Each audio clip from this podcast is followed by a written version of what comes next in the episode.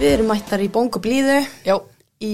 beintin í kompuna. Já, Mjög vel við hæfi. með benilan í annari og ósjálfrátt í hinni. Já, það er gott kombo. Eitthvað sem ég held ég myndi aldrei heyra að segja. Það hljóma vel. Já, er það ekki? Jú. Nei, langt sinni ég eftir ekki hóstasaft. Já. Ói bara. Oj, það var bara. ógislegt, það var eins og verið með síróp í Já, munninum. ég fann til mér þegar þú varst að, ég var alveg bara, jésús. Já. Já, en, já, talandi ósámála. það er sem sagt, hérna, umræðafni dagsins. Og við hefðum sennilega átt að láta ykkur vita fyrr. Uh, við kannski hendum því inn fyrir helgi. Já, svo, já, þá getur fólk nefnilega uh, þið, hérna, lesið og, og verið svona aðeins með á nótunum þegar þið hlustið. Já, við líka mælum bara ógæslega mikið með þessari bók. Já, þetta er svona skáldsagan ósælrótt eftir Auði Jónsdóttur. Hún var valin eiginlega bara svona af handahói. Já, af því því að við vorum búin að ákveða okkur langaði að lesa eitthvað eftir hana uh, og svo bara, viðst, þetta, ég, þetta var svona 5 sekundar Google Já. og þá kom þessu upp og ég hugsaði bara, já, það er mynda rítvél frá mann og þetta er pott, þetta er pottið eitthvað fyrir okkur tönju. Og, Sem það var. Já, er það grínast? Sko, talandi um að bomba sér inn í, í lesturinn aftur. Já, Þetta var bara, ég, ég sko, ég bara hef alltaf getað hætt. Nei, sem við byrjuðum. Af því þú veist, þetta er bara þetta er í alvörinu bara ef við værum bók, þá væri þetta að þannig að mér fyrst þetta, þú veist, að því að sko, þú myndi mig líka svo mikið á, hérna eða þú veist, ekki alveg, en það var eitthvað svona við hana sem að myndi mig á hérna Caritas-bækunar eftir Kristínu já, veistu hvað ég held að sé? Hvað? Ég held að sé að hluta til personunar sem eru bara virkilega, sko, fyndnar týpur. Já, Sumar gegja pyrrandi fyndnar, já, en lýsingarnar á þeim eru bara, þú veist, ég hló alveg yfir þeim. já ég, og, þú veist, mér fannst alveg leiðilegt bara að hérna að kveðja það eftir ég kláraði bókinni, ég var bara óa en svo náttúrulega er þetta byggt á raunverulegu fólki, þannig að þetta er svona margar sem Já. ekki alveg byggt að kveðja það þú veist. en hérna, en já og líka sko, ég held að sé líka því að hún er fjalla svo mikið um uh, konur og þú veist, mæður og Já. svona formæður og sem að Caritas bækunar fjalla líka svo mikið Já, um. og þetta svona uh, einhvern veginn samskiptin í þessari bóka milli maðurinn myndi mig oft eitthvað svona, þú veist maður bara, hvað er hún svona erfið við hana, en maður skilur samt svo vel báður personur já. Og þetta er líka saga sem að gerist þó hún sé ekki eins uppbyggð og Caritas sem er svona línuleg dagskrá, sko. já, Þessi er að flakka fram og tilbaka og stundum var ég svona, ó, ok, eru komin hingað. já, Um, en En þá er þetta saga sem að spannar alveg bara marga áratví. já, emitt og, og það er mitt líka það sem ég ætla að- hérna, að, sem var kannski svona eitt af mínum uh, hvað ég segja svona eitt af mínum uppáháls hlutum við þessa bók er mitt hvað hún flakkar mikið í tíma Mm. en samt einhvern veginn er maður aldrei tindur. Nei, eða þú veist, að því að hún einhvern veginn um, maður fattar strax hvar maður er stattur en það, hún gerir það samt ekki eitthvað svona að því að sumi nota, þú veist kabla heiti til þess að, þú veist, og jú, jú, náttúrulega hann í byrjun og þá hérna, vísar hún oft í uh, bankaferðina hjá ömmunni, það er alltaf, veist, já, tveimur árum fyrir eða tveimur Akkurat. áratugum eða veist, eitthvað svoleiðis, sem er kannski fínt svona í byrjun þegar maður er að fatta þú veist, ok, þetta gerist þarna þetta gerist þarna og svo uh, þú veist, erum bara, já, ok, nú er þið bara náðu nú get ég bara gert það þú veist, sem ég vil og, þú veist, og innan sumra kaplana er flakkar hún á milli þú veist, þryggja staða í lífinu já, já, já. hjá eigu En fyrst þú nefndir bankan, þá er sennilega best að uh, segja hlustendum hvað, hvað bankaferð það er. Bókin Já. sem þetta byrjar á því að um, ammennar ætlar að amma, amma aðalpersonar sem heitir eiga hún uh, býður henni hvað 100.000 kall og útlandaferð fyrir Já. að fara frá manninu sínum eitthvað svo leis og, og sko svona í, í fyrstu þá er maður bara, oh my god, auðvitað stekkur hún á þetta því að kallin hennar er eitthvað algjör pleppi og, og bara, þú veist, þau er ekkert saman og, og hérna og bara eitthvað, þú veist fara til svíþjóðar og, en svo einmitt, hérna finnst mér og svo maðurinn hennar er alltaf kallar garrin það var eitt sem ég fannst geggja töff í þessu að hún gefur alltaf öllum svona viðurnefni. Það er ekkert mikið um nöfn. Nei og ég held að það sé mitt líka að því hún er svo mikið þetta er svo æfisögulegt að þá væri svolítið erfitt og líka, þú veist, það væri eitthvað svo svona klunnalegt að fara eitthvað að reyna að finna, veist, finna önnur nöfn á fólk Já. sem að allir vita hverjir eru. Veist, það geti einhvern veginn, það væri svo eitthvað óþægilegt, þannig að þú veist, þetta passa mjög vel einhvern veginn að gera þetta og hérna, var ekki rétt til mér að þú veist, það er að, að því að er norðangarinn, að því að hann er svona uh, því þú veist, það er svo mörgur sem hann svona kuldalegur í viðmóti. Jú, svo sá ég einhver staðar jú, jú, sennilega. Það ekki? jú, Mér minni það sko. Og hérna mm, og svo er frængunar hún er alltaf kalluð skíðadrottningin. Já. mér finnst það- einhvern veginn eiga mjög vel við hana. Og það er að því að hún uh, komst næstuð í olimpíuleikana í skíðum. Já, fór svo á endanum ekki að því að hún hálsbrotnaði sem er smá skellur smá. Smá. Og hérna uh, og svo hvað hva var aftur? Þú veist, og svo var alltaf hérna mamma hennar er bara kallið mamma með stóru emmi og Já. pappin pappi með stóru pí Já, og mér fannst það mitt líka svo, hérna, svona, hvað ég að segja, svona beinskitt eða svolítið þegar hún segir að, að mammenar, að, þú veist, hún hafi orðið mamma svo oft hún er löngu búin að gleyma hvað hún heitir, veist, hún, hafi bara týnt nafninu sinu og sé alltaf bara mamma. mm Mér fannst það, svona, veist, það, það er alveg smá svona eitthvað til í því, eða veist, ekki að það eigi að vera þannig, en, um, það er svolítið sannleikur í því. svo var stelpan með fugglsaugun Já, með, með sjófu, já, já, og hérna og, og svo var þetta alltaf eitthvað svona þú veist, vinkonan og þýðandinn og þú veist, þetta var svolítið svona eins og í leikriti eða eitthvað, þú veist, er svona það hefði líka við geta verið í byrjun sögunar bara listi, þú veist, bara mamma, pappi, eða, Mhm. veist hvað ég meina? Þannig að það einhvern veginn nú fær ég að hósta Já Já Liftið því allir út þetta benilan er ekkert að virka. Nei, þú verður bara Þú verður bara að tjögga þetta með já, verða djók. ófærum að komast heim og hjóli Þe- Þegar fyrir að líða þáttinum verður Tanja allir bara Já, já Nei, djók. Já, ég er bara með dóp hérna. Já, Það er ekki að banna. Tanja, díses, er ekki til ykkur lög um þetta? Má búa til hlaðvarp undir áhrif þú getur bendið mig á þetta í ríkistjórnni Já, aðtöða hvort það þurfi ekki að koma því að gang. Fyrir kostningar já, Já, ég held að það kannski, sé, er þið kannski ekki alveg efst á lista svona í heimsfaraldri nei, og, sennilega ekki. og eldgósi og, sennilega ekki. Nei. En það væri kannski að koma því það já, einn daginn sko, einn daginn. Já. En já, uh, þannig að uh, hún sem sagt fær þetta tilbúð frá hann frá hann ömmu sinni og, og það er alveg, þetta er svolítið svona ammenar og mamma og, og skíðadrottningin frænganar sem að heitir Rúna. Það er svolítið, fla- þú veist, hún er uh, ímist kölluð skíðadrottningin eða Rúna. Já. og það eru svolítið svona saman í slagtói að reyna að koma eigu frá þessum eigimann sínum. Já, já, já. Af og það er svolítið svona fannst mér, þú veist, þó að hún segir frá svo ótrúlega mörgu öðru í, í lífinar, Já. þá er þetta alltaf svona þungamiðjan sem hún kemur aftur í. Já, algjörlega.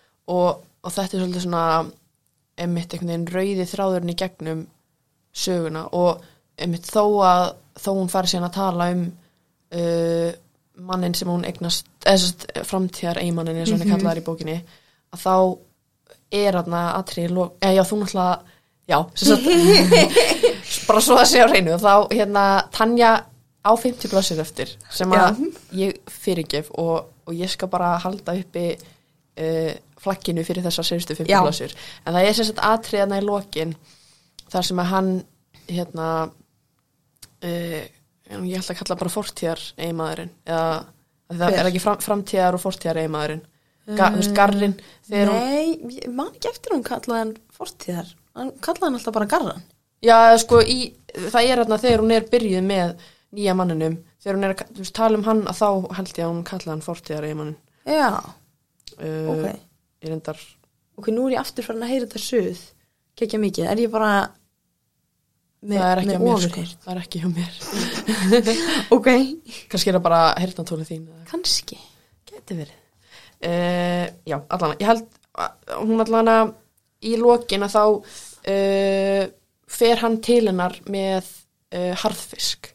Þetta er alveg, þau er ekki mann hittast alveg langan tíma og þá fer hann til hennar með harðfisk og þau fara á kaffihús og þú veist, það er ekkert beint sagt eitthvað hvað þau ræða en svo horfir hún á eftir honum og það er svolítið svona, veist, það er svolítið svona bundin slaufa á á þá sögu og hérna og svo er líka sagt frá því að svo veist, ringir sér satt fyrsta konan hans í eigu og til þess að segja henni að hann sé látin þannig að þetta er svona, það er alveg smá maður fær alveg smá svona closure eins og, veist, eins og það kalla þannig að það er einmitt líka í lokin á sögunni hérna er hún eða sem þetta já, þau veist hann ekki loki eða sem þetta er þetta er held ég þegar hún er nýbúin að gefa út fyrstu skáldsöguna sína og svo er hún komin til Madrid að skrifa næstu skáldsöguna sína Já. Varstu búin að lesa það? Nei. Nei, ok. Að þá hittir hún uh, bandarískan bókmyndafræði prófessor Já. sem að ég er alveg svona frekar eitthvað slísi típa en hann segir að, að hérna eitthvað svona að, að allir góðir höfundar uh, geri upp persónuna sínar þú veist, eða að allar þú veist, þú skiljir enga persónur eftir bara eitthvað svona lausu lofti Já. þú veist, og, Já, já. og svo gerir hún það, þú veist, bæði auður sem höfundur þessarar bókar og þú veist, að því að líka það er það sem er svo áhugavert að þú veist, þetta er skáldsaga en það er svo augljóst að auður er eiga, Já. allan einhver leiti uh, og þetta er þú veist þetta er eins og að horfa á rítvindin lesa skáldsöguna og meðan maður er að lesa er svona, og inn á milli fekk ég alveg svona wow, þú veist, eitthvað svona inception, bara eitthvað svona eitthvað, þú veist, ég, að því að, veist, að þetta var svona hún, var, já, æ þú veist, ég held að allir sem að lesi bókina skilji hvað ég á við. Já. þetta gæti alveg svona einhvern veginn rugglaði smá mér stundum. En, en það líka bara held ég að gerða hana bara eins og hún er, eða þú veist svona Bókina. já, Já. Já. Og bara, mér langar ekki að klára hana. nei, eiginlega. Ég held samt að að einhverju leiti þá mun ég ekki sakna hennar jafn mikið og, og til dæmis Caritas nei af því að ég veit, ég veit ekki alveg af hverju en Nei. mér líður eins og ég sé að fá mjög góða lokun á söguna já, já, einhvern veginn að ég Já, veit það ekki. Jú, kannski bara einmitt eins og þú sagðir af því að maður veit að að einhver leiti eru þessar personir til í alvörni og, og maður veit hvað auður gerir í framtíðinni og já, einmitt. Já, og hérna og það er einmitt líka sko eins og núna er ég uh, ótrúlega spennt að lesa uh, að því að sko ég á bæði æfisögu auðar uh, eiginkonu þess að Halldórs Lagsnes sem var hérna eins og húsfreyjan á, á eða, veist, fyrir mér var hún bara forstjóri klúrasteins, hún var bara Já. hún var bara sá um þetta. Hún alltaf lýsir því svoleiðis. Ég er nýbúin að vera að lesa það að þú veist, hún auður sem sagt er að skrifa sér inn í ömmur sína Já, og er að lýsa því hvernig hún er bara, þú veist hugsar um heimilið sem Já. fyrirtæki. Hún er bara bókstaflega að gera allt. Mhm. Allt, og þetta er, þetta er sko þvílíkt batteri. Þú veist að því að ég var að lesa það? Já, þú mútt halda áfram að já, tala með já, þú veist að því að hérna uh, já, sem sagt að því á bæði þessi skáldsögu auðar uh, ömmu auðar Jóns þá og svo á ég líka uh, æfisögunana sem sagt mömmu auðar Jóns sem að hérna heit, ég held hún heiti hún heitir Sigriður Halldórsdóttir held ég og var alltaf köllu uh, drauma. Manstu ekki eftir í útbókinni? það, það var þannig alveg sko. Veist, Æfisega hennar heitir uh, Elsku drauma mín. Já, og já, já, er eftir Vigdísi Grimms og ég á þessar báðar skáldsögur og nú langar mér svo að lesa það að því að þú veist, eftir að hafa lesið þessa bók að, veist, að því mér líður svo það væri svona svolítið svo að lesa kannski ekki framhaldsbækur en svona þú veist, eitthvað svona í sama heimi þó þetta sé rauninni bara allt eitthvað sem gerist í okkar heimi eða þú veist hvað ég menna Já. finnur þetta? Ég er á, á réttum slóðum ok, en ekki alveg uh, ekki alveg komin. nei, Hmm. Ætli ég hafa nokkuð skrifað þetta? Nei, ég var að lesa þetta í vinnunni áðan. já, Ég hlýta finna þetta. En ég var samt búin að skrifa líka niður einhver nokkur svona atriði. já, ég líka Mörg á fyrstu hundra blaðsíðunum og svo minna og minna eftir því sem að ég einhvern veginn datt meir inn í söguna. ég, ég tengi svo mikið sko að því ég mitt skrifaði niður uh, svona ú, hérna uh, þrjár blaðsir sem að ég, veist, ég myndi vilja, þú veist, sem ég fann svona flott textabrott og, uh, og það var mitt, þetta voru þrjár blaðsir á þú veist fyrstu hundra blaðsíðunum og svo bara glimti ég mig bara í bókinni Já, þú veist, ég bara ég, þú veist, ég glimti eða bara ég væri eitthvað að fara að tala um hana ég, var bara, ég sökk bara gersanlega inn í hana Já.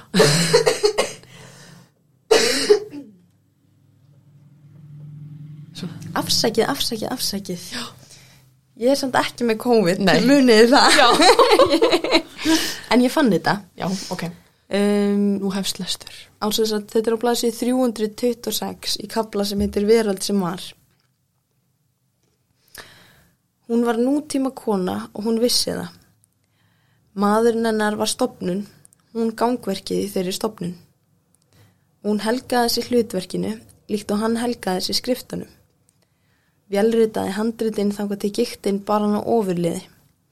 Lagði á borð fjóru sinnum á dag, púsaði silfurnýjupur, detúaði við blómaglugan, klættiði upp fyrir galavislur, pakkaði ofan í töskur þegar farið var til útlanda, þóði klósettið, mókaði snjóinn frá dyrunum, svaraði pósti frá skattinum, reyndi að muna fyrir hann í hvaða bankahólum hann hafi glemt greiðslum fyrir bækunar sínar, fór með bílinn til bufjalavirkjans. Hann skipti aldrei um bleiu. Það þýtti heldur ekki að krefjast þess af honum, hann hefði það bara flúið í klaustur. Og hún vissi það, þetta var hennar val, sagði hún við kvenréttinda konurnar í sveitinni. Hún vildi að maðurinn sinn skrifaði bækur, hvað sem það kostaði.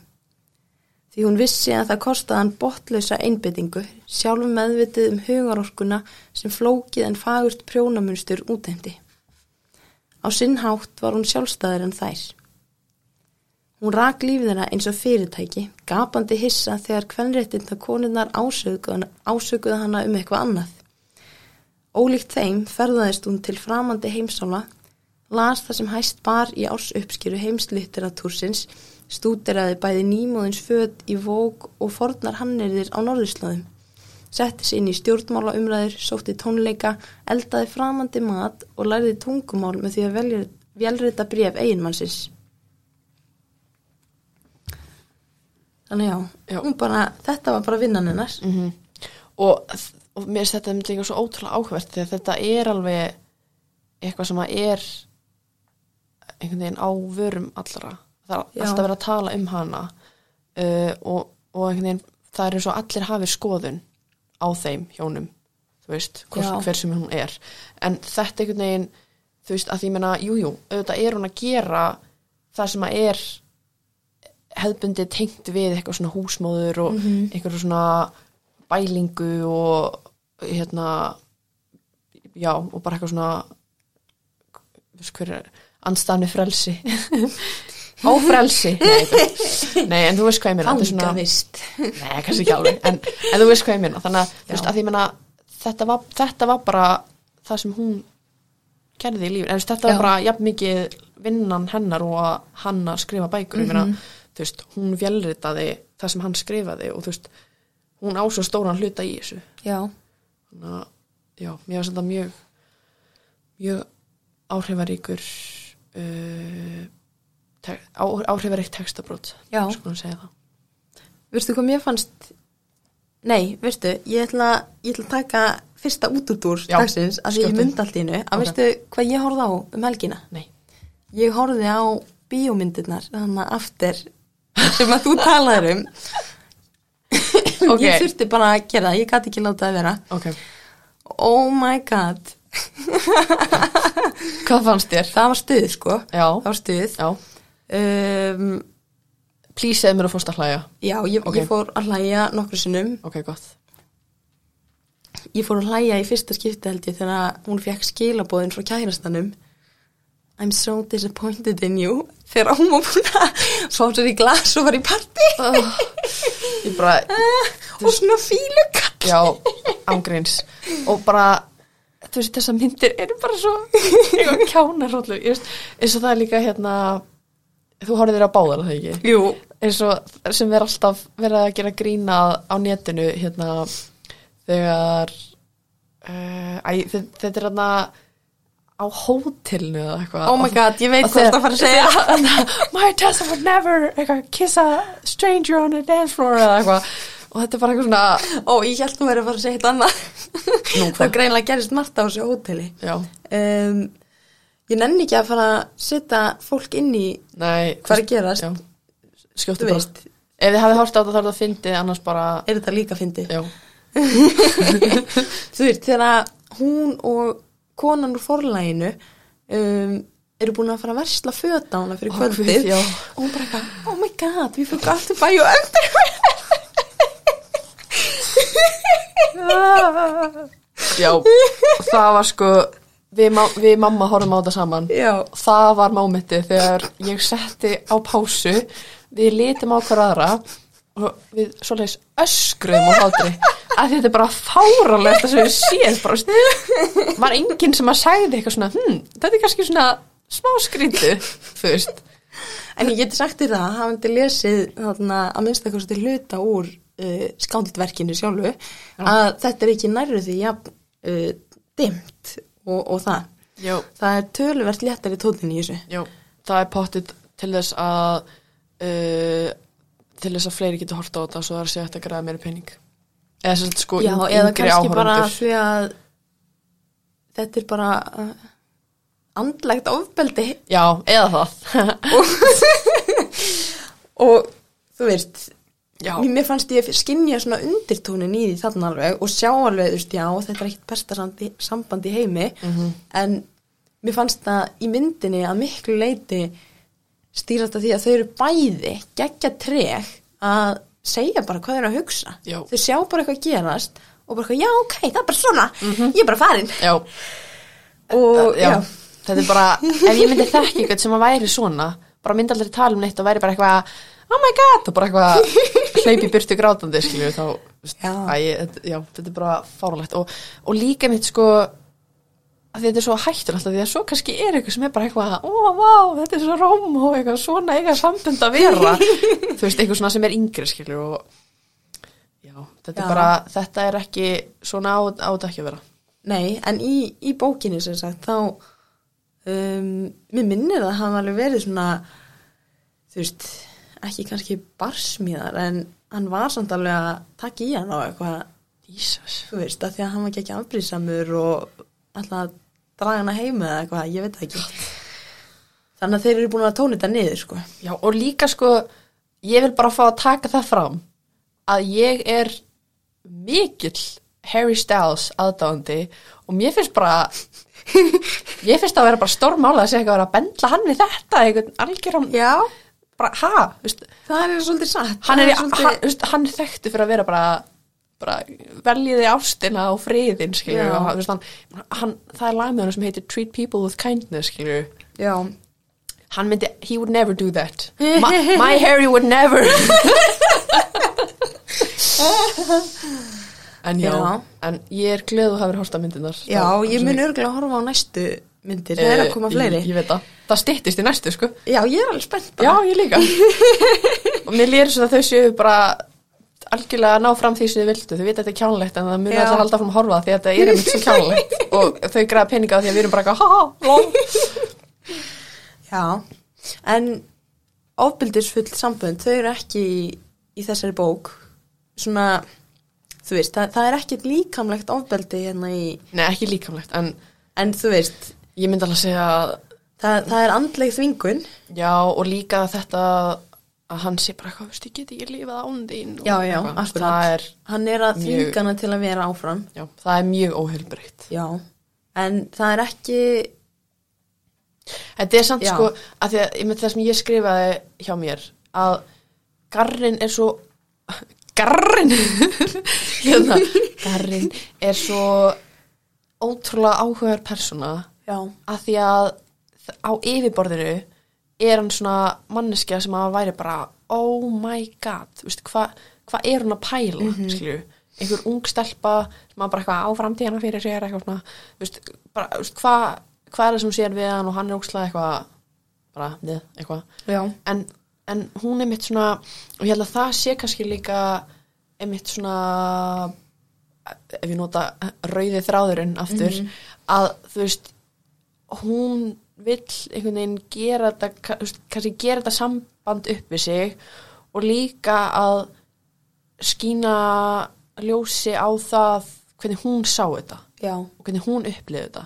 Að því að þú veist að því að maður skilur þetta alveg veist, þessi atriði sem að hún telur upp eitthvað svona veist, hann var alltaf hvetina til að skrifa og eins og með, og með það- flóðaköstina veist að hann einhvern veginn vissi alltaf hvernig hann átti að bregðast við og já, ég er einn skrifað hjá mér, það er, þú veist, þó að þetta sé pínu brenglað og að mestu leiti bara að því að þetta er svo eitthvað, þetta er svona, hvað heitir það, codependence, Já. þú veist, einmitt, ég veit ekki hvað það er á íslensku. Þau eru bara saman í sökkinu, já, þú veist, Já. hún andlega og hann líkamlega og andlega, já, en á sama tíma þá er eitthvað ótrúlega fallegt við sambandið þeirra, mm þú veist, ég hugsaði það fyrst, einmitt, þar sem hún sagði með flóðakostin, já, og hún segir að hann gefur sér alltaf KitKat og já, eitthvað þegar hún er búin í flóakasti og segir svo að þú veist hann hefði borið svo mikla virðingu fyrir henn og hún var alveg sama hvort hún veri feit eða mjó. Já, að því að í móðurfjölskyldunennar þá er alltaf verið að segja við henn að þú þarft að grenna þig og já, þú veist já, það er eitthvað svona attitúti sem hún fær frá fjölskyldinu á meðan hann bara eins og segir, gefur henni KitKat og alveg skýt sama. Já. Og, og líka mynd, og það er kannski líka bara eitthvað svona einmitt að koma úr fjölskyldu sem að er mjög mikið, þú veist, allir að pæla í og, og þú veist, þegar hún húkar sér ekkert mann far þarna neðst í dalnum, þú veist, upp að, upp að húsinu, að þá segir, þú veist, eitthvað, já, ok, hvað, þekkir þú eitthvað þar? Og eitthvað svona, þú veist, þá allir kemur hann öðru sér fram við hana. Og það er kannski líka eitthvað svona, þú veist, að hún veit að þú veist, að það er mjög mikið eitthvað svona á yfirborðinu og eitthvað, en þú veist, garrin sér einhvern veginn alveg svona inn í hana. Já, og, og er ekkert að pæla mitt í þessu eitthvað svona, æ, já, þú veist hvað ég minna já hann er bara, hann er listaspýra á rangri braut. Já, mér er samt líka svo fyndið þegar hann að uh, uh, mamma og mamma Eyju og maðurinn hennar koma vestur og sjá myndirnar hans þannig upp á vegg. Og þau eru bara eitthvað svona ertu alveg vissum að hann sé listamaður? Eitthvað svona þetta er nú ekki eitthvað upp á marga fiska eitthvað svona mm, nei. En mér langar að lesa annað brot. Það er svo margt í þessari bók sem er bara svo fallegt. Já ég, ef ég myndi lesa allt upp sem ég myndi vilja þá væri þetta ekki hlaðvarp, þá væri þetta hljóðbók. Já. af því mér langar að lesa allar blæðsíðunar akkurat. En sko þær eru að tala um uh, mamman og, og frænkan og besta vinkuna eigu þú veist, hún er ekki farin til Svíþjóðar en þú veist, það er, það er í undirbúningi og um, þær eru að tala um flóakostin þú veist, hvað hún er að gera hún, hún skíðadrottningin uh, ef, ef að eiga fær flóakast og mamman segir þarna um, Á hvaða blæðsíður þetta? 98, og, 98. og 99 Ok. Og mamma segir hún er að ringi sjúkrabíl. Og, og Rúna svarar nú þarf það? Og rukkar enni já, alltaf að ringi neyðarlínuna því þetta eru reikalegir krampar segir mamma þvingaður í röddu og bimban hennar kinkar kolli eins og hún eigi lífið að leysa. Bimban er sem sagt uh, besta vinkuna eigu Já, sem að er líka vestan, það er kynntust þar. Já. Hvað gerir kallinn þegar þú fær flók? Rúna lítur forvitin og eigi sem tautar að hann hafi gefið sér kitkatt og vatn að drekka. Svo sopna hún bara. Hann sé ekkert þrættur þannig við flógin. Hann mætti nú kannski vera hrættari, segir Bimban harkanlega. Ég veit það ekki, segir Eija. Sannleikanum samkvæmt. Hún óttast ekkert meira en að eiga venjulegan kærasta með drengjakoll og stúdentspróf sem er því skýtlóðandi hrættur við að sjá hana fróðufölla og mýga á sig. En þær þurfa ekki að vita það. Þær þurfa heldur ekki að vita að stundum líður henni betur í skjóli garðans en annar staðar. Í augnablikinu saknar hún hans. Það er eitthvað, það er, mér finnst það eitthvað rosalega fallegt við þessa lýsingu. Já, og, og þetta er einmitt, þú veist, þegar þær er alveg þvílíkt að reyna að slíta þau sundur Mhm. og, og einmitt, þú veist, þegar hún fer til Svíþjór þá er hún alltaf að hugsa til hans og langar að, veist, hringi í hann og, Já, já, og það er einmitt líka, sko, hérna, taldum Caritas, Mhm. að það, það var líka, veist, það er kannski ekki alveg sambarlegt, en það er, það var samt eitthvað sem að myndi mig á, hérna, hvað heitir hún aftur, Caritas og Sigmar. Já, Sigmar, já. Af því að hann er svolítið svona hrjúfur og, og já, Já, og svo, skilur hvað ég? Já. Þetta er svona einhvern veginn, ég veit ekki eins og hvað það er, en það Nei. er bara eitthvað sem að myndi mig á, þú veist, af því það er mitt alltaf eitthvað svona, þau eru eitthvað sundur og saman, en það er alltaf eitthvað sem að tósar og, já. já, Við mælum báðar eindreið með Caritas, við tölum held ég um þær í fyrst þettinum, er það já, ekki? kannski. Það það. verið, örgla. Jú, já, við tölum um það, en bara, já. Hósti. Tralalala. já, en svo líka uh, það sem að mér fannst svona aðeinslegt við þessa bók Mhm. var líka hvað þetta er bókaleg bók. Það er mjög mikið verið að tala um uh, skáldskap og Já. skrif og verið að tala um sérstaka bækur og þú veist einhvern veginn bara allt sem hún segir í þessari bók er svo bara fallegt og flott þó að það sé ljótt og Já, hún næri þessu svo vel einhvern veginn utanum þetta og já, og þú veist svo þetta þegar hún byrjar að tala um þessa ósælræðu skrift hjá langömmu sinni. Já, hún sér sagt heitir sennilega ósjánrátt bókin að því að í, í lokina bókinni eða kannski fyrir miðja bók, ég veit ekki kemst hún að því að langamennar já, um, náði tengingu við andana Já. með vinkunum sínum og þær hefði verið að skrifa bara svona, veist, skrifa án þess að hugsa eins og hún sagði. Og ég held, byrju ég að finna þetta. Ég skrifaði þetta niður 229, það er það sem að er verið að tala um þetta. Og og, og hún skrifar hérna á einn eða annan hátt voru þær allar engarítarar andana já, Mér finnst það ógeðslega töff setning. já. Og emitt, hérna hún notar þetta síðan alveg áfram í bókinu og mér finnst þetta að þetta er svona veist, þegar ég fór í uh, svona rítlistar áfanga í kvennó á ennsku, þá var þetta bara í fyrsta tímanum einlega bara fyrsta sem að okkur var kent í rauninni var uh, að þessi svona, þetta er algjör klísja skilur, þetta er notað í svona flestum svona áfengum en þá var fyrsta verkefni í lóktímans var að þá setti kennarin uh, bara svona eins og tæmir í, gang uh, fimm mínútur og þá áttu bara að skrifa og þú mátt ekki stoppa. Mhm. ef þú veist ekki hvað þú skrifa þá skrifar ég veit ekki hvað ég á að skrifa þanga til þú veist hvað þú átt að skrifa og, og þetta er einmitt, svona þetta er svona sam, sama pælingin.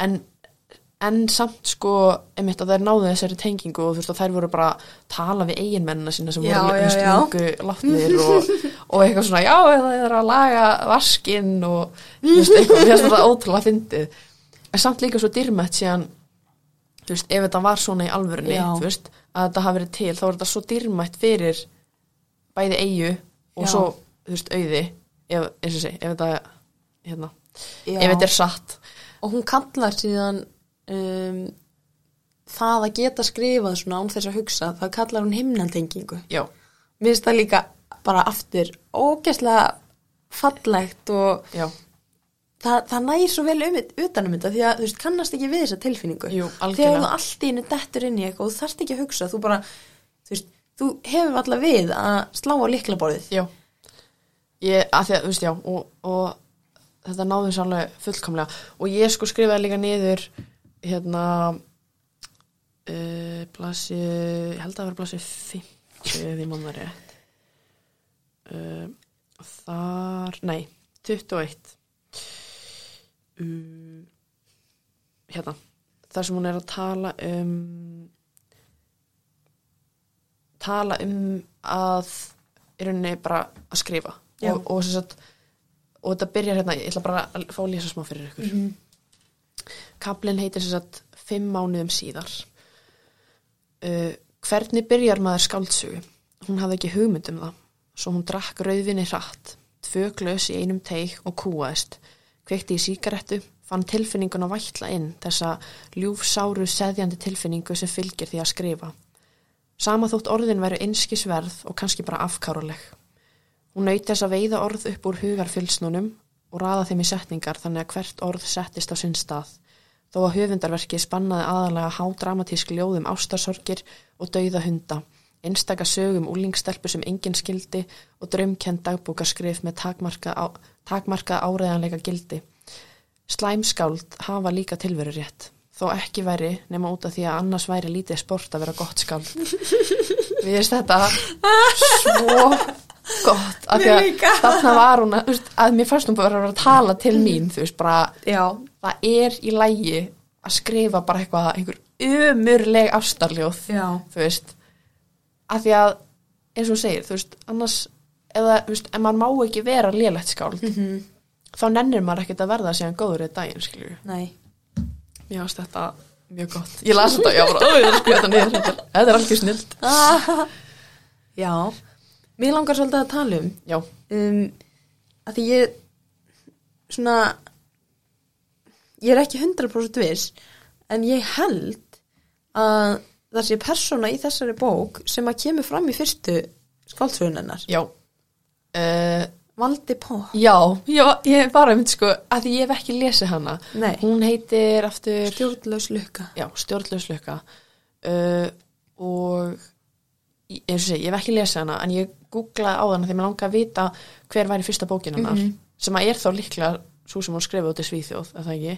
Jú, öruglega Maður hefði haldið það allan út frá þessu Já, ef Eh, það er satt Já, Hún hefur sagt í viðtali að hún veit ekki lengur hvað er uppspunni og já, hvað alvöru minningar þannig að maður kannski getur ekki 100% Nei. treyst á því en ég held að í megin atriðum sé þetta það sem að gerðist já og líka eins og hún segir sko hún segir í lok þessara skáldsögu ósálur átt að, að þegar hérna skíadrottningin kemur sér í heimsók mm. Að þá spyr hún, já, hérna, ertu búið með bókina og er, er búið að gefa hann út og þá segir hún eitthvað svona, já, þú veist, tæknilega séð, þú veist, þetta er ekki alveg sama sagan, hún hefur alveg brist svolítið, en að, já, í rauninni er þetta það sem ég var að skrifa úti, Já, þú veist, þó hún hafi brist.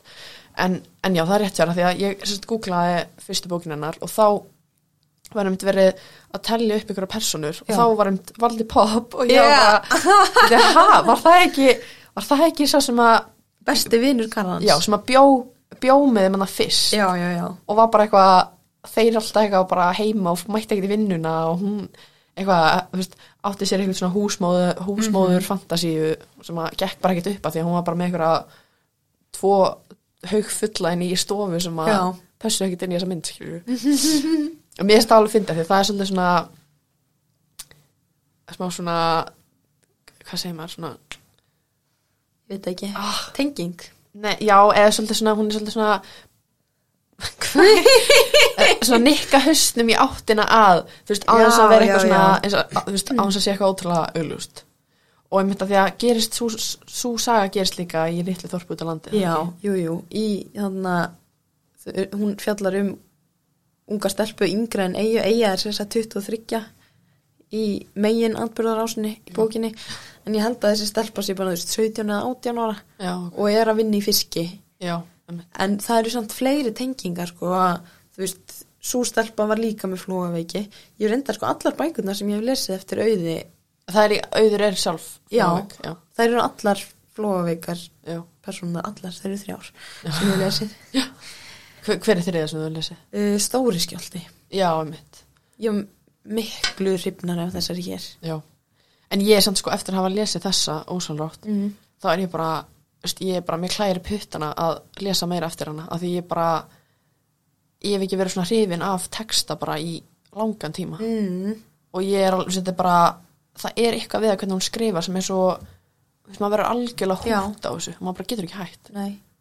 Mér langar að lesa hérna aftan á kápuna.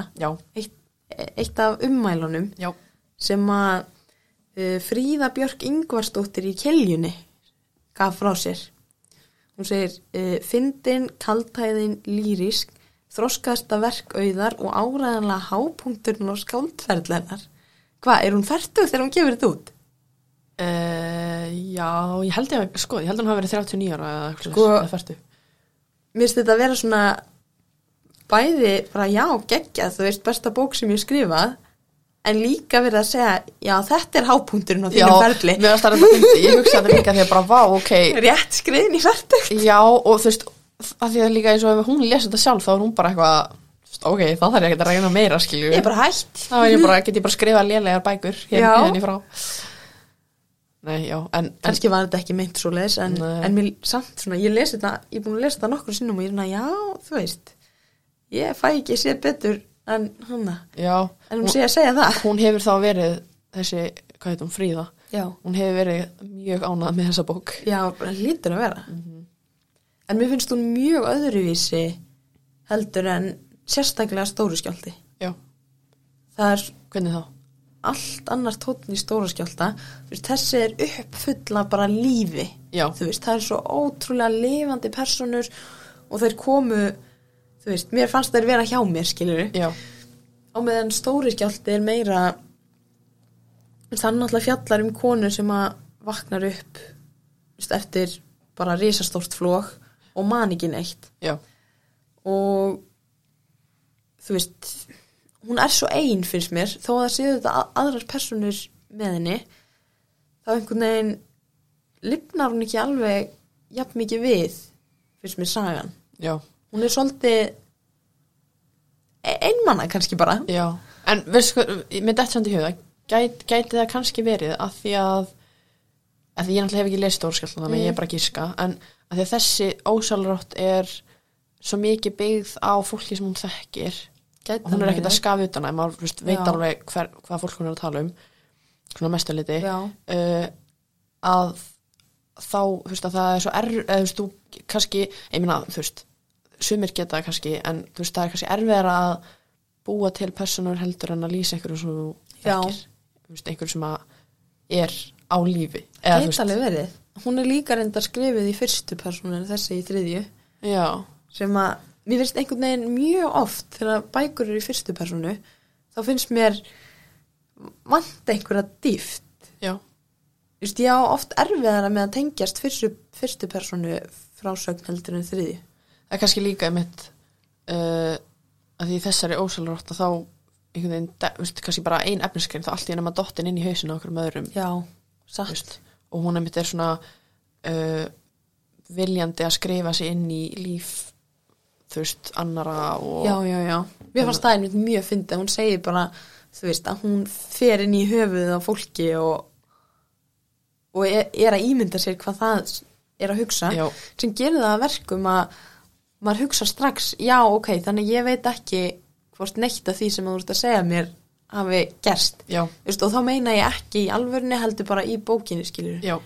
að Ég þú veist, hugsa, maður getur ekki treyst neinu sem að kemur hann fram sem hún er að hugsa. Ef, ef hún er að lýsa personu eða hvernig hún brást við einhverju þá veit maður ekkert hvort að það var svoleiðis eða ekki já. Og, það, innan söguheimsins. Já, og þetta er mitt uh, margt af þessu er mitt eitthvað svona hún að ímynda sér hvernig eitthvað gerðist. Þannig að og svona upp, upplifin annara af atbyrðum og svoleiðis, þannig að veist, ég held að sé alveg ég held að hún sé kannski ekkit eitthvað áreiðanlegasti s- sögumæður eða persóna, í heimi. Kannski þú skrifir bara aðra björið gerðum þessa bók nei, Ah. Mastersritgerð já, Ég var kannski. sérfræðingur í óáreðanlegum sögumennum já, ert þú óaræðanlegur sögumæður, Tanja? Ég? Já. Alltaf, ég er alltaf síljúandi já, uh, maður sjá. Hvað skrifaði ég meira hjá mér? Ég skrifaði hérna á meðan þú leitar. Já, um, eitt sem að ég tengdi bara við á, á persónlegum nótum. Ok. Um, sem snýst um að gera hluti, að koma hlutum í verk. já, Þetta er bara sett uh, mjög snemma í bókinni á blaðsvið 34 og Garrin og, og Eyja eru flutt til Reykjavíkur saman og eru búin að búa þar í einhverja mánuð held ég. Þau áttu ennþá eftir að taka upp úr öllum kössum nema þessum með eldhús áhöldunum. Samt var heill vetur fókin út í kirkjugarðin. Eyja hafði glemt sér við símavörsluna á sjónvarstöðinni, oftast á tvöföldum vöktum og hætt að hugsa um hvar garrin geti fengið vinnu. Á hverju morgni sagðist hann ætla út að leita að vinnu, en laut óþólandi oft í lægra haldi fyrir frekukalli Dionýsusar. Listin og vímann segja sex og annað sex kemst bara ekki í hálkvisti við það sex, skilur mig. Grétan þegar hún kom heim, alltaf jafn undrandi á að hann hefði djúsað yfir blektekningurum síðan hún kvattan um morgunin. Þá kom hann í úlpuna með klámkjærlingabótlan í kreftum hnefanum, klár í slægin. Svo bara, já, svo bara gerðist eitthvað og hann gat ekkert að þið gert. Aflið var yfirþyrmandi. Bara ef hún vildi skilja það. Gerði hún það ekki? Skildan, skildan eins og engin annar hafi skilað hann. Allt sitt líð hafði hann ráð að hitta hana, manneskjuna sem skildan. Skildum það? Já. Hann er bara, hann er fastur í þessu sem að maður þekkir alveg, þú veist, maður fær alveg svona daga þar sem maður ætlar að gera fullt og svo bara er dagurum búinn Já. og maður lápar upp í rúm og horfa á þætti. já og, og sérstaklega líka held ég að við getum tengt við þetta núna í, í COVID Já. margum tala að þá einhvern veginn verðist tíminn líða svo skringilega Já. allan að ég upplifa þannig að því ég er bara heima hjá mér flesta daga því að ég er í fjarnámi. Mm uh, og þá einmitt, einmitt er klukkan allt í einu bara orðin eitthvað allt annað en maður held Já. þannig að, já. Og mér er líka, hérna, klámkellingabóttin getum við aðeins talað um hann? Já. mér finnst það svo fyndið og, það er mitt líka einhvern veginn það sem ég elska við þessa bók er að það eru svona litli hlutir sem að koma aftur aftur fyrir en þeir eru svona svo mikilvægur að þeir einhvern veginn halda manni við efnið og mála þessa mynd einhvern veginn Þú veist, það er klámkellingabóllin og Sem er sem sagt bolli með myndum af noktum konum af kveikjurum já, sem hann hefur pillnað af og sett á bollan. Já, mér finnst það ógslafindi og, og svo líka hérna eins og þetta með kífið þegar hún fær Já.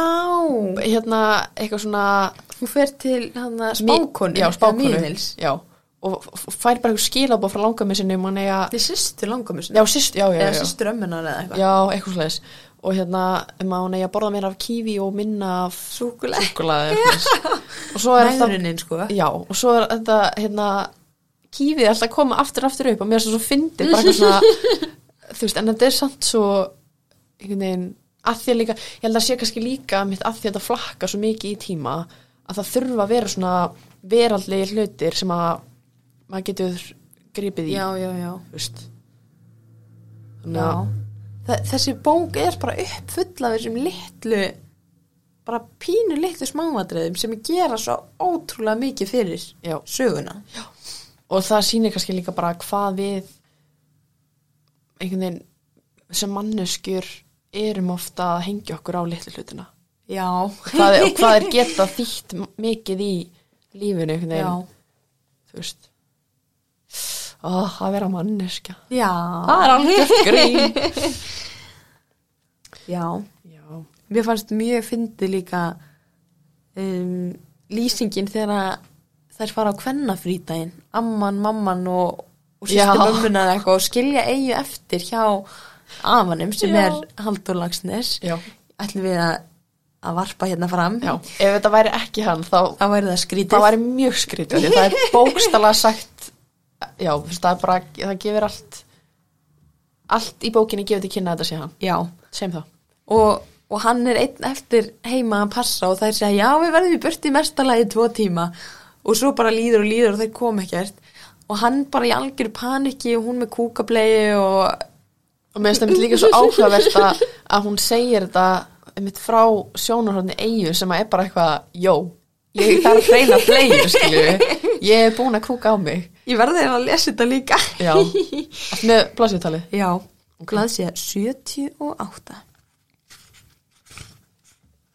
og líka því hún tengir þetta svo við bara bækurnar sem hann hefur skrifað. Já, um,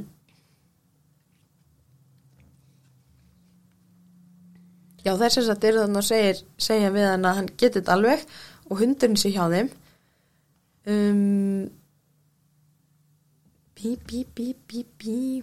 Og einmitt líka sko uh, þú veist að hún einmitt virðist ekkert vera hrætt við að tala um afa sinn Já. í þessari bók og bækunar hún er alltaf að líka sjálfur sér við Já, og já, þú veist, einmitt sem að er útrúlega áhugavert að því að þú veist, það er alveg það er alveg svolítið svona einstakt að vera barnabann, þú veist, Já. hans það er alveg ekki ykkur unnveruleiki sem að margir allan á Íslandi tengja við Nei. veist, hann er svona Hurfáður sálir já, þannig að það er veist, alveg það er alveg smá gaman að hún sé ekkert feimin við Mm. að tala um þetta Já, nú hefst lestur. Þau höfðu staðið á hlaðinu síðan klukkan sló hálf... Nei, þetta er blöð, blöð. Nú hefst lestur upp á nýtt. Þau höfðu staðið á hlaðinu síðan klukkan sló hálfa tíman. Allt frá því barnið og hundurinn kláruðu úr sigurkarnu með digri aðstóð afans sem vissi aðeins eitt ráð til að hugga barn. Gefa því gottir í. Hann bjóst ekki við að það myndi kúka á sig. Alveg búin að steingleima að börn kúkuðu, áhugurlaus með öllu um líffræðina í manneskunni. Klukkan slær heila tíman. Ef einhver skilur að konur vilji kjósa og halda upp á sinn kostningarétt er það hann. Skáldið sem hefur ólgað af rótækum hugmyndum síðan hann læriði að ganga. Á æskuheimilu, ég er alveg bara með einhverja bullu í tungunni. Á æsku heimilinu hinum einn við þjóðvegin. Hann hefur skrifað þykkar bækur um stuttælar konur á síðbuksum sem eiga hlut í bát og bjóða mannlífinu byrgin. Hann kann bara ekki að passa börnin þeirra á meðan. Hvað nú ef hann missir barnið og brýtur í því beinin? Rétt yrðist að lifta því úr borðstofinu út á stjætt, ná fölur þegar bló- blóði rauk úr höfðinu af skelvingu við óþef, óþefnum. Mannaskíturinn þumlungsbreytt frá tvítjakkanum hans ilmandi af kölnarvatni. Kanski var þetta mesta augustundin í lífans. Hann nötraði af hugræsingi þegar skeifa myndaðist á kringluleitu barnsallutinu. Var barnið að beigja af? Guð hjálpið þeim báðum. Svona, svona, eigum við að dansa, kjökraðan feimin og greipum búsnar barnsendunar, sveiplaði þeim varfarinn og söng blílega. Gengi inn um göngin hér, rekja mig í kvörnina. Ég er eins og jólatrí. Ég er í repsnefndinni. Ég er í hressnum dinni. Ég er eins og jólatrí. Ég er í hressum dinni. Hvaða lag er þetta eiginlega? ég las þetta og ég var bara hei, það potið eitthvað svona að þú veist annarkvort hann hefur búið til eða þá að auður sjálf hefur bara skálda eða eitthvað en já, En mér finnst þetta bara, þetta er bara ógíslega komisk lýsing á þessu að hann bara, þú veist, já, já, ég hef skrifað bækur um hverrættindi og ég vil að þið fáið að kjósa og allt, en ég ætla ekki að passa nei, eitthvað með það. nákvæmlega. Mér varst það mér varst það algjör snild og mitt bara eitthvað svona eigum við að dansa? Eitthvað. alveg að bara grenja bara ekkert hvað hann á að gera. Og þetta bara eitthvað svona, þú veist gaur, ég þarf nýja bleiu þú Já. veist, bara, come on. Já, við finnst þetta ótrúlega gott. Já, En aftur að, að hérna, skáldskapnum og að Já. skrifa að mér fannst einmitt líka að það er eitthvað staðar í bókinni þar sem að uh, ég held að sé skíðdrottningin Já. Rúna sem að segir að að alvöru sk- skáld og rithundar verði að þóra að segja það sem þið vilja að segja já, og mér finnst það líka ótrúlega, þú veist, bæði góði punktur en líka áhugavert þú veist, innan þessarar sögu af því þetta er mitt skáldsaga já, sem að er samt byggð svo stert á fjölskyldu sem að flesti vita hver er en kannski ekkert allir sem að þú veist vita hvernig hún er á baku tjöldin nei, nei, nei, innmitt og, og ég mitt líka bara þú veist þegar ég las þessu bók þá fekk ég bara ah, ég, shit, ég þarf að halda fyrir að skrifa og bara já, þetta er svo, geggjað og þú veist og bara einmitt eitthvað svona þú veist bara maður verður bara að þóra ég bara já, ástrúð, þú verður bara að þóra já, eitthvað sem að eiga gerir ekki. Já, maður skinnjar það rosalega stert hvað hún er bara, hún er bara einhvern veginn fljótandi. Þú veist, hún lætur bara teima sig út í allt. Já. og þegar ég segi allt, þá meina ég ekki eins og einhver hafi verið að láta hún taka eiturlif eða eitthvað, heldur bara þú veist, hún einhvern veginn, hún er þarna bara.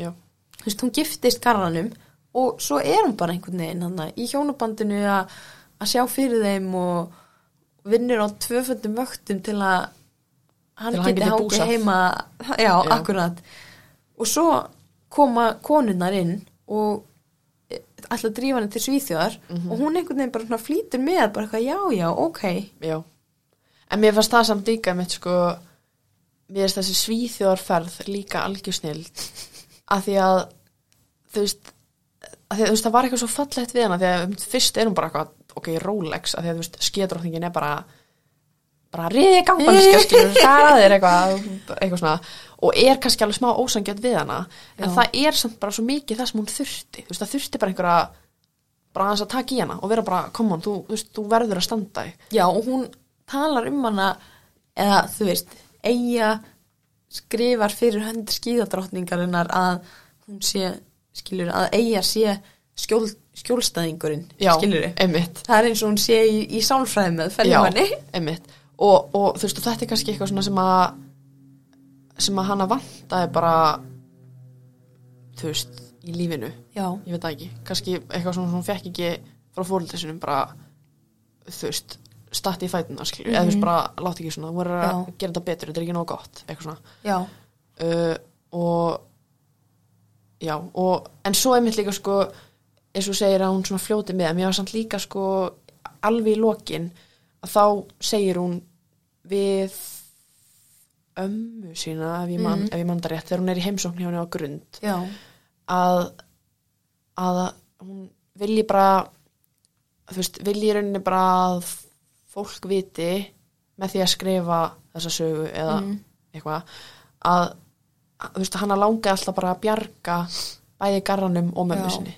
Já og mamman sem sagt er eins og garrin, alkohólisti Já.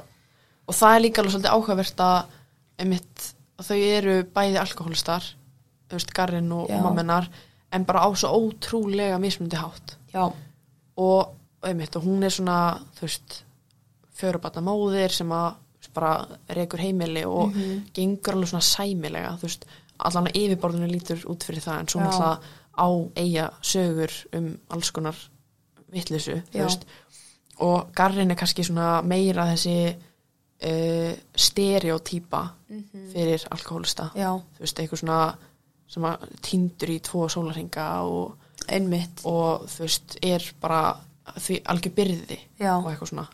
Þannig að það er líka ótrúlega áhugavert um mitt og líka þetta sko, að að, en svo samt líka finnum maður svo til með honum að því að eins og hún segir að þú veist að hann var skítrættur við áfengi þú veist, þegar hann já, var yngri einmitt. þá til hann var ára. hans voru já, alkohólistar. Já, og það hafði ótrúlega, ótrúlega áhrif á hann en svo um leið og hann smakkar áfengi þá fattar hann að það er eða, veist, það, það er það náttúrulega ekki en fyrir honum er það leið til þess að sleppa frá þú veist, þessu öllu. Þannig að og þá er mitt líka þegar hún segir það þá fer maður að einhvern veginn finna meira til með honum og, og Þú veist, það fara svo mikið upp og niður af því að þú veist, áður en ég byrjaði að lesa þá bjóst ég við verri mannesku skilur já, og svo kemur þú veist, koma kaplar eins og þetta með, með flógin og, og að, þú veist, hann einhvern veginn segir við hann held ég á einhverjum tímapunkti að þú veist, það sé mikilvægast af öll að hún haldi áfram að skrifa. Já, en svo koma augnablík eins og þegar það kemur handrukkari heim til hennar af því að hann er í svo miklum skuldum og hann er týndur einhvers þar og hún þarf bara að fara út og græja græjina pening. Já. Og, og, hún- og hann er alltaf að sníkja af henni einhverja gummitekka og já, eitthvað. En, en, og svo líka sko svona aftur, þú veist, þetta þegar maður finnur aftur svo til með honum að þegar, ég veit ekki hvort þú hefur verið múin að lesa það, en þegar er verið að lýsa því sagt, að því að mamma eigu uh, í lóksögunar segir frá því að hún hafi hitt garran í meðferð já, ok, nei, Nei, ok. Það er sem að hún, hérna, þegar eiga er búin að eignast són sinn Mhm. og fer í heimsók til mömmu sinnar og, og hérna, þá segir mamma henni að hún hafi hitt garran í meðferð einu sinni og að hún megi skrifa um það sem hún sé frá seginni og þá segir hún eigu sem sagt að uh, að hún komst að því þarna að veist, garrin þurfti bara að grafa upp lík þú veist, þannig fyrir vestan í snjóflóðanum já, og hún alltaf eiga vissi það en þú veist, mamma hennar segir bara nei þú veist, skilur lýsir þessu miklu betur, þú veist, að hann hérna sá, þú veist, bass hendi og tekur í hana og þú veist hún er ekki först við neitt, skilur oh my god. Já, og þetta er alveg svona, hræ, þetta er alveg svona hræðilega lýsing já, og þú veist, bara eitthvað svona hann og, þú veist, og eftir þetta þá fer hann bara, þú veist, gengur bara eitthvað starf lengst upp á heiði í, í brjáluðu ve veðri og veist, það er reynd að kalla á eftir honum og, veist, að, veist, og þetta hefur ótrúlega á, hérna, áhrif á hann. Já, og þá er mitt líka sér maður bara hvað hann er líka bara brotin, og þó að hann sé kannski að hafa vond áhrif á lífið hennar eigu, þá er það bara því að hann er bara brotin og er einhvern veginn að reyna að líma sig saman, eða þú veist, eitthvað. Hann er bara í tómu tjóni. Já, skiljanlega. Já, og þetta er náttúrulega 90 og eitthvað. Já, þá týðkaðist kannski ekki að sittast inn til sálfræðings. Ekki eins og í dag allavega. Nei, og einmitt eins og þegar hérna þegar snjóflóðin urðu uh, í fyrra mm. Og örgulega líka þegar hann að urskriðunar urðu fyrir austan. Já, að þá einmitt var bara hérna hvað er það að kalla, svona eins og sálfræðilega skyndihjálp. Veist, þá er bara, þá er bara bæði uh, þú veist, læknar eða sjúkra liðar eða eitthvað leys Mhm. sem að er að sinna líkamlegum áföllum, þú veist, ef Já. einhver hefur meðist en svo er líka einhver sem að er að, þú veist, þetta er svona fyrsta hjálp. Sálfræðileg, þú veist, já, sem er svo ótrúlega mikilvægt og einmitt bara, þá sýnir maður líka uh, sér maður líka, þú veist, hvernig það hefur þróast í ákveða átt. Já, frá því að þetta varð, þú veist, þannig að já, fyrst. Það er alltaf hana ljóspunktur í þessu. Já. Oh my god, við erum sko búin að bladra í klukkutíma og mér líður eins og við séum valla byrjaðar já, þetta er bara það er svo mikið sem að sem maður geti tekið hverja einustu personu já, og bara, þú veist, grafið og grafið og grafið. Já. Við allan að mælum heilshugar með því að hlustendur lesi þessa bók. Já, hver er uppáhaldspersonan þín? ég, ég var búin að hugsa það sko. Ég ég veit það ekki. Ég sko, þú veist, sko fyrsta sem ég langar að segja er bara garrin já, þó að hann hafi sína hérna, ókosti. Mm. það er eitthvað við hann sem að er svona mér langaði alltaf að heyra meira um hann um, en svo fannst mér líka dyrkaði ég ömmuna. Mm, já, auði konu Halldórs Lagsnes það var eitthvað það var eitthvað svo hún var svo mikil skuttla eitthvað. En samt líka svo svona uh, mikil amma, eða veist hvað ég Já. það var svona, hún var bæði algjör töffari en samt líka eins og þegar hún lýsir því þegar hún fer og hérna húka sér far og kemur síðan heim til ömmu sinnar og fær alveg bara gúfar í sig matnum þú veist, að því hún er ekki búin að borða þú veist, að því hún brá ekki pening fyrir mat Mhm. og legg sér hann upp í hérna hrein og straujuð Mm. sænguföt og ég bara, ég las þetta og ég var bara, oh, þú veist, þetta er bara nákvæmlega. Það, það var, hún líst þessu svo vel eitthvað nóa veist, mat Og já, sængurföt. og bara og svo þú veist, vakti ámennar og, og bara kaffi og að ég veit ekki, mér fannst þetta eitthvað Hún náði ömmunni bara, og þá meina ég þessari típisku ömmu, skilur sem að ég veit ekki, þú veist, það eru ekki allir sem að upplifa þetta, en Nei. ég tengi líka við þetta.